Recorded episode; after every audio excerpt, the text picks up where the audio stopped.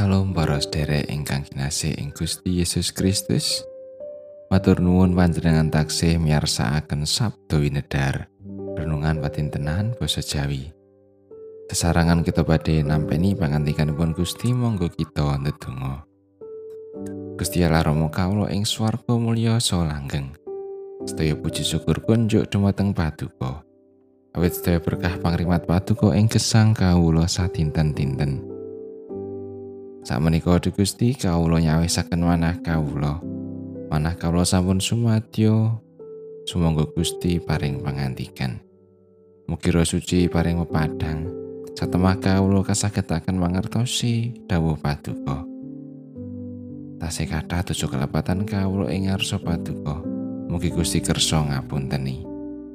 Wonten ing asmanipun Gusti Yesus Kristus kawula ndedonga lan saos syukur. Amin.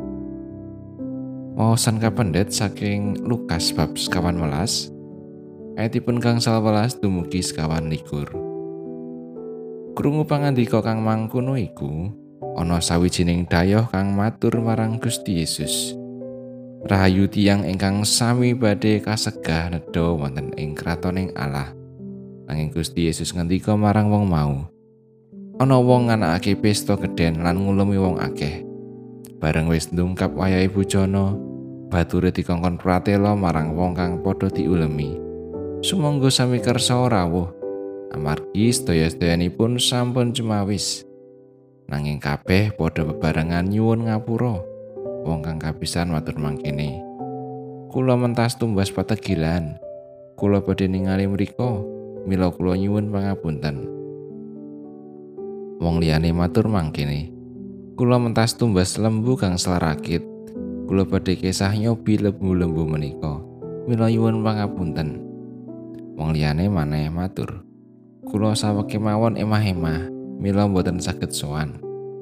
Batur wau banjur mulih ngaturake iku kabeh marang lurai. Kang duwe omah nepsu banget sarta celadu marang bature. Enggal menyang ing dalan-dalan lan lurung-lurung kutha wong mlarat wong cacat, wong picak lan wong lumpuh padha iritan mrene. Bature tumuli matur.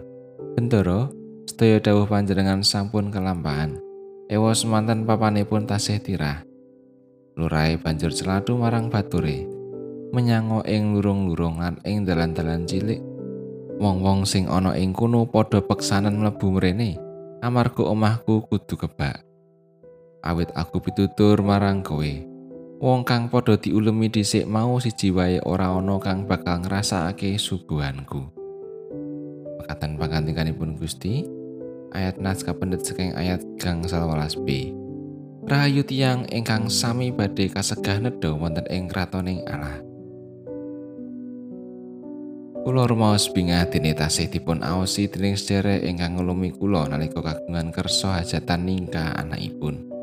Kosak wangsulipun sederek wau ugi rumaos bingah jalaran kula saged ndatengi ulemanipun. Sederek kula wau rumaos kula aosi, kula ajeni lan kula hormati. Karena rumaos bingah awit wontenipun pesta ingkang sami, mila ing waosan Lukas kawan welas ayat kang welas, wonten tiyang ingkang matur Gusti Yesus. Rahayu tiyang ingkang sami badhe kasegah nedha wonten ing kratoning Allah. Bingah sedaya saged ngraosaken kabingahan. Kanyatanipun kados pundi? Sedaya ingkang dipun ulemi pesta lah kok mboten wonten ingkang sami dateng ing pawiwahan kanthi alasan maneka warni. Menika bukti teteyang wau mboten ngaosi, mboten ngurmati ingkang ulemi. Krana mboten sami dateng pramila mboten saged ngraosaken pasegahan. Kamangka pawiwahan kedah terus lumampah. Pasegahan kedah dipun rahapi. Ingkang boten ngaosi lan nampik undangan mesti kemawon boten ngraosaken pasegahan. Milanipun lajeng ngulumi tetiyang sanesipun sepatus sami nedha pasegahan ing pawiwahan kala wau.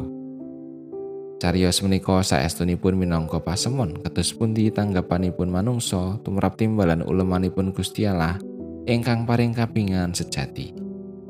Kapingan sejati swasananing kratoning pun Gusti saged karaosaken namung dening tetiyang ingkang ngaosi Gusti Allah ingkang nimbali lan ngulemi. Bab Injil ing tentrem rahayu estunipun sampun kaundangaken. Sampun dipun biwarakaken. Uleman sampun dipun sebar dening Gusti ingkang kagungan pesta sejati. Lumantar para abdinipun lan para yang pitados supados sami saged ngraosaken kapingan kasuwargan. Rayu kita ingkang sami tansah ngaosi Gusti ingkang ngulumi kita ing pawiwahan. Krana anggen kita ngaosi Gusti, mila kita dipun keparengaken derek kembul ing pujana pawiwahan jati ing kamulyan ingkang kacawisaken. Sampun ngantos kita nampi Gelaran nampi ateges mboten ngaosi Gusti ingkang nyawisaken kapingahan kasuwargan. Amin.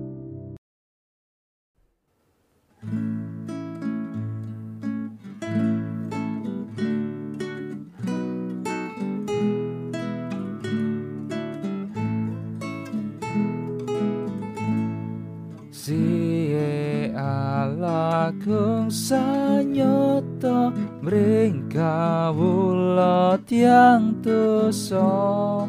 Sing bangsa sanes umatnya ingang katatos putra. Tinebus sang Kristus Gusti kesang enggal sayekti Nindano pakarti luhur Yeku tanda syukur